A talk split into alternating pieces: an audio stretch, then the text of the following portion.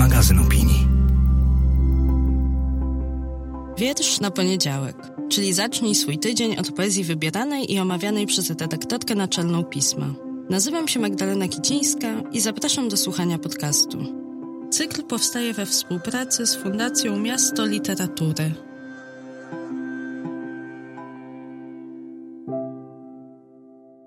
Cześć, dobry wieczór, dzień dobry. Tak się jakoś stało, że w ubiegłym tygodniu szłam ulicą na warszawskich Sielcach. Nigdy tam nie byłam, akurat w ten zaułek od podchorążych się nie zapuściłam. I tam na jednej z kamienic wisi tablica poświęcona pamięci Krzysztofa Kamila Baczyńskiego tu mieszkał i z tego domu wyszedł, tak mówi tablica, do powstania poeta, który, jak wiecie, jest mi bliski i o którym też tutaj już mówiłam chyba nie raz, którego rocznicę urodzin setną w tym roku obchodzimy. To jest poeta spraw ważnych i poeta czasu wojny, chyba przez tę drugą etykietę częściej jest, częściej nią jest określany. A tak się też stało, że wczoraj, niedługo później rozmawiałam z tłumaczką Justyną Czechowską, a nasza rozmowa bardzo szybko zeszła właśnie na temat istotny i na temat, który z wojną, wojną domową, bo chyba tak już możemy o tym, co się dzieje w Białorusi mówić. Więc szybko ta rozmowa zeszła nam właśnie na tor białoruski, no bo też nie sposób inaczej po tym, co się wydarzyło kilka dni temu na niebie w przestrzeni lotniczej nad Mińskiem. Mam na myśli oczywiście aresztowanie Romana Protasiewicza i Sofii Sobiegi, które było wydarzeniem bezprecedensowym. I może na, wam się wydaje, że co to wszystko ma wspólnego z poezją, a przecież o poezji jest ten podcast, a mi się tak wydaje właśnie, że ma bardzo wiele wspólnego, bo reagujemy na to, co od lata zeszłego roku dzieje się na Białorusi wcześniej. Kilka, kilkanaście miesięcy temu reagowaliśmy na to dość energicznie, intensywnie, a dzisiaj wydaje mi się, że już tylko krótkim jakimś wzruszeniem ramion, po czym przechodzimy do porządku dziennego nad reżimem, który mamy po sąsiedzku. I obie z Czechowską rozmawiałyśmy o tym, jak nie przechodzić do porządku dziennego. Jak i co możemy tu i teraz zrobić w Polsce, żeby wspomóc Białorusinów i Białorusinki, którzy pragną i którzy walczą o to, żeby żyć w wolnym kraju. Ze szczególnym uwzględnieniem artystów i artystek, tych, którzy... No i właśnie stąd ten Baczyński na początku jakoś nam się wszystko tamtego wieczoru złożyło w całość Ci, którzy opisują te najtrudniejsze momenty w historii swojego społeczeństwa, ci, którzy też z uwagi na swoją wyjątkową wrażliwość, nie wiem czy bardziej podatni, ale inaczej podatni są na wydarzenia, których są udziałem na zmiany w rzeczywistości, na zmiany społeczne, na niepokoje. I ona opowiedziała mi o projekcie, w który jest zaangażowana i chciałam posłuchać o nim więcej, dlatego że on bardzo mocno wpisuje się w to, co wydaje mi się istotne i tutaj w Justynie Czechowskiej, ale też w Instytucie Kultury Miejskiej gdańskim IKM-ie też nas chyba łączy, czyli takie poczucie, że poezja i wolność są ze sobą nierozłącznie połączone. Nie wiem, czy można być nierozłącznie połączonym, chyba nie, nierozerwalne. O, chyba o to słowo mi chodziło. Dlatego, żeby dowiedzieć się więcej, zapytałam Justynę Czechowską, co to jest za pomysł i dlaczego, skąd jej przyszedł do głowy. Co to jest za inicjatywa Kosmos pachnie ziemią? To jest inicjatywa gdańska, miasta Gdańska i Instytutu Kultury Miejskiej w Gdańsku. Inicjatywa, która wynikła z tego, że Gdańsk generalnie jest takim miastem bardzo kulturalnym. Jeżeli chodzi o kulturę, szeroko pojętą kulturę, bardzo zwraca uwagę na najróżniejsze uniwersalne wartości. I tą wartością, która od lat w Gdańsku jest najwyższą wartością, jest wolność. Stąd na przykład Europejski Poeta Wolności, który co dwa lata jest od 2010 y, roku przyznawany w konkursie międzynarodowym. I w tym myśleniu Gdańska na temat wolności i na temat niesienia pomocy ludziom, ale przede wszystkim artystom, spotkałam się ja, tłumaczka szwedzkiej literatury, miłośniczka w ogóle literatury i czytelniczka również białoruskich pisarzy i poetów, z Aleksandrą Szymańską, dyrektorką Instytutu Kultury Miejskiej. Ponieważ pracujemy przy innym projekcie, projekcie literackim, odnalezione w tłumaczeniu, to siłą rzeczy zaczęłyśmy ogólnie gadać po prostu o rzeczach, które się dzieją i które można by było zrobić, a ponieważ myśl o Białorusi i o tym, co tam się dzieje i co można by było zrobić, męczy mnie od momentu, kiedy tam faktycznie zaczęło się bardzo dużo dziać, bardzo niedobrych rzeczy w sierpniu zeszłego roku, to zwierzyłam się z tego mojego niepokoju Oli Szymańskiej, a ona z kolei mi powiedziała, że Gdańsk chętnie by coś zrobił i ma na to pieniądze, więc uradziłyśmy wspólnie, że być może warto by było po prostu pójść bezpośrednio do pisarzy, poetów z Białorusi i zapytać, jaka pomoc jest im potrzebna, co my możemy zrobić, bo taka pomoc humanitarna narzucona z góry może czasami bardziej zaszkodzić niż pomóc. Tak, i ma też taki protekcjonalny wymiar, tak. to znaczy my za was zdecydujemy, co wam może pomóc. Właśnie i to jest szczególnie, jakby tutaj szczególnie musimy być ostrożni jako ten taki starszy brat z zachodu, prawda? No bo jednak na Białorusi tak Polska jest traktowana, jako ten starszy brat czy starsza siostra i tutaj musimy być bardzo ostrożni. To zupełnie inny wymiar ma na przykład pomoc, ogromna pomoc, jaką Białorusi od wielu lat niesie Szwecja. Ale ponieważ Szwecja jest trochę dalej, trochę zupełnie w takim zaświacie dla Białorusi, w innym zupełnie kosmosie, w innym wymiarze, no to tam jest ta pomoc taka może mniej drażliwa, tak? To jest mniej taki wrażliwy temat. Natomiast tutaj z Polski rzeczywiście postanowiliśmy po prostu wprost zapytać artystów tam, twórców literackich, czego im potrzeba. I dostałam od Artura Klinała, wybitnego i architekta, i pisarza, i w ogóle koordynatora najróżniejszych działań artystycznych, dostałam bardzo prostą odpowiedź. Czytajcie białoruską literaturę.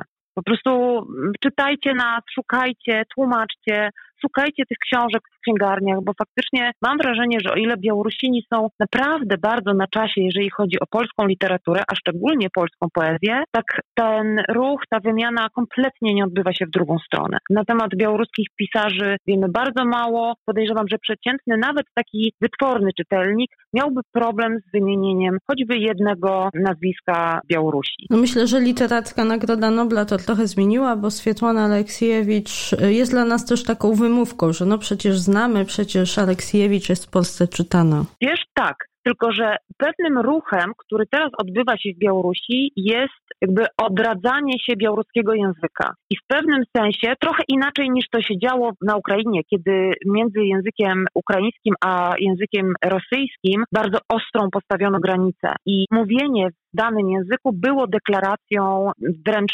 postawienia się po którejś ze stron konfliktu. W Białorusi to się nie dzieje, natomiast język białoruski jest w bardzo trudnej sytuacji, dlatego jakby pisanie po białorusku i mówienie po białorusku, uczenie się po białorusku i czytanie po białorusku jest jakąś polityczną deklaracją też jednak. Więc jakby owszem, zgodzę się z Tobą, że Pietłana Aleksiejewicz jest pisarką na pewno rozpoznawaną na świecie i czytaną w bardzo szerokim gronie. Natomiast, no zobacz, jest to jednak literatura non-fiction.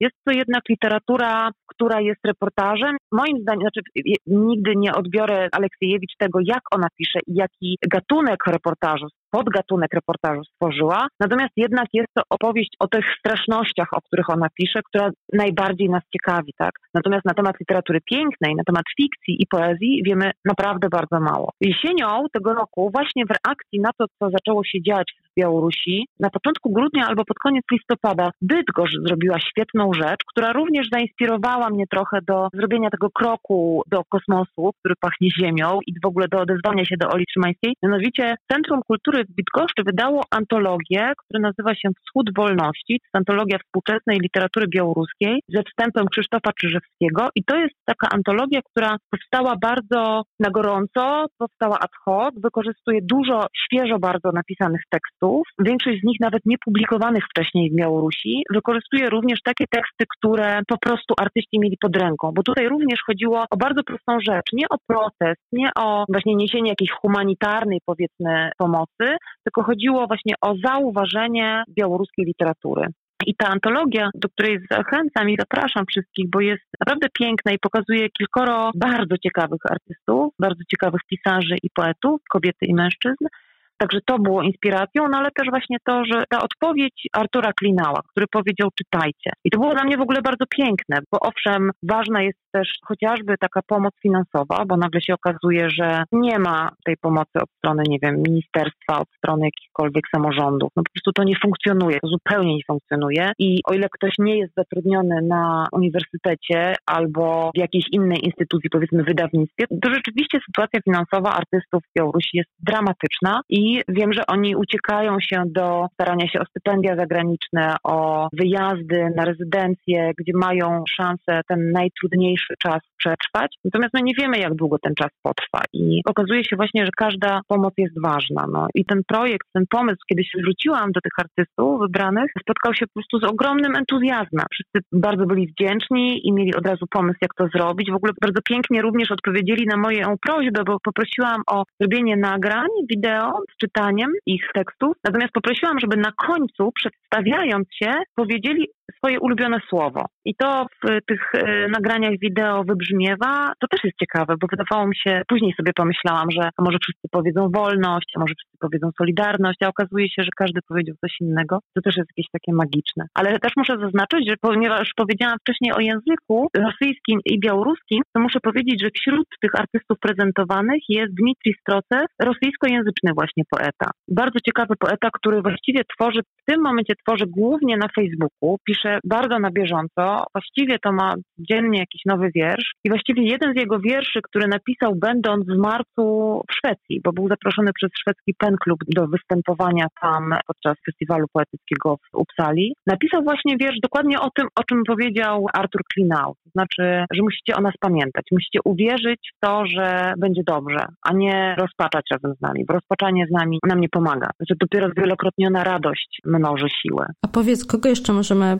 poczytać, bo na tych nagraniach są też transkrypcje i posłuchać. No więc wśród występujących jest wspomniany Artur Klinał i Dmitrij Strocew. Jest także laureat pierwszej edycji Europejskiego Poety Wolności, Władimir Orłow, wybitny pisarz i poeta. Jest tam Julia Cimafiejewa, która oprócz prezentowanych w projekcie wierszy ma wydany po polsku tom, który się nazywa Cyrk i inne wiersze w tłumaczeniu Botana Zadury. Maryja Martysiewicz, młoda poetka, aktywistka i też tłumaczka, którą gościliśmy parę razy w Polsce i jej wiersze były drukowane w czasopismach. I Ewa Wieżnawiec, która właściwie debiutuje dopiero w tej antologii Wschód Wolności i w naszym projekcie, bo wcześniej była nieznana. Natomiast jest to akurat jedyna autorka spośród tej szóstki, która mieszka od lat w Polsce. Więc mam nadzieję, że teraz sporo będziemy ją widzieć i sporo o niej słyszeć. A ja, tak jak rozmawiałyśmy, też się zobowiązałam do tego i czynię to zobowiązanie publicznym, żeby już nie było wątpliwości, żebym nie mogła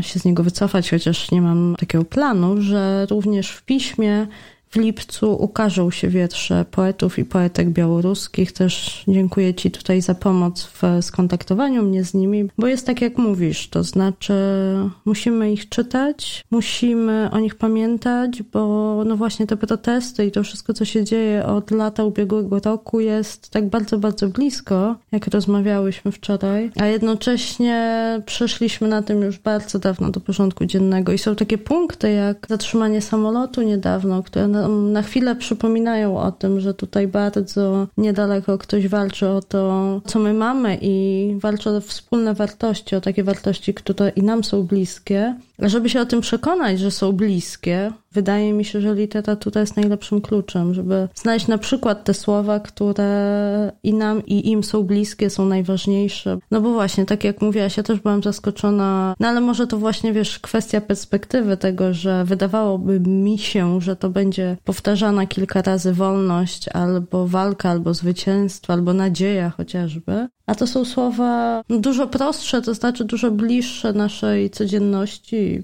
takim najbardziej podstawowym potrzebom, uczuciom. Tak, i dlatego też akurat tytuł całego projektu, czy tego cyklu nagrań postanowiłam nazwać właśnie wcale nie górnolotnie, chociaż jest tam słowo kosmos, ale wydaje mi się, że kosmos pachnie ziemią, wprowadza te wszystkie wysokie wartości, wysokie kwestie właśnie na ziemię, tak, do gleby.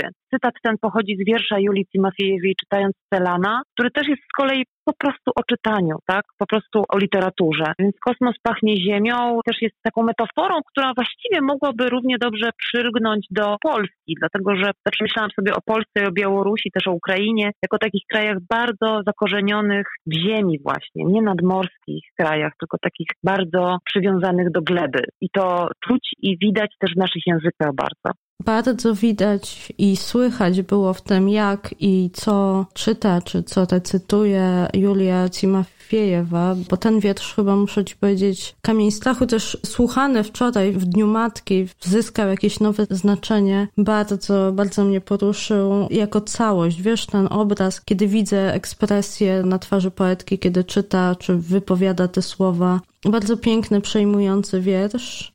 Ja chyba od tego, kierując się indywidualnym jakimś odczuciem pierwszym, poleciłabym Państwu wysłuchanie wierszy, które powiedz, gdzie można znaleźć, gdzie można zobaczyć, przeczytać, wysłuchać. Te wiersze można na pewno znaleźć na stronie Facebooka i na YouTubie Europejskiego Poety Wolności. Więc albo po prostu wejść na YouTube, albo na Facebooka Instytutu Kultury Miejskiej. Można po prostu poszukać też ich przez stronę samego Instytutu Kultury Miejskiej. Do czego bardzo namawiamy właśnie zgodnie z tym hasłem, żebyśmy pamiętali i czytali. Mm. Bardzo Ci dziękuję za, za ten pomysł i za to, że no właśnie przypomniałaś mi o tym, co jest taką podstawą tego spotkania się z innym w literaturze i pamiętania o tym, co się dzieje naprawdę bardzo, bardzo niedaleko stąd. Ja Ci dziękuję za rozmowę.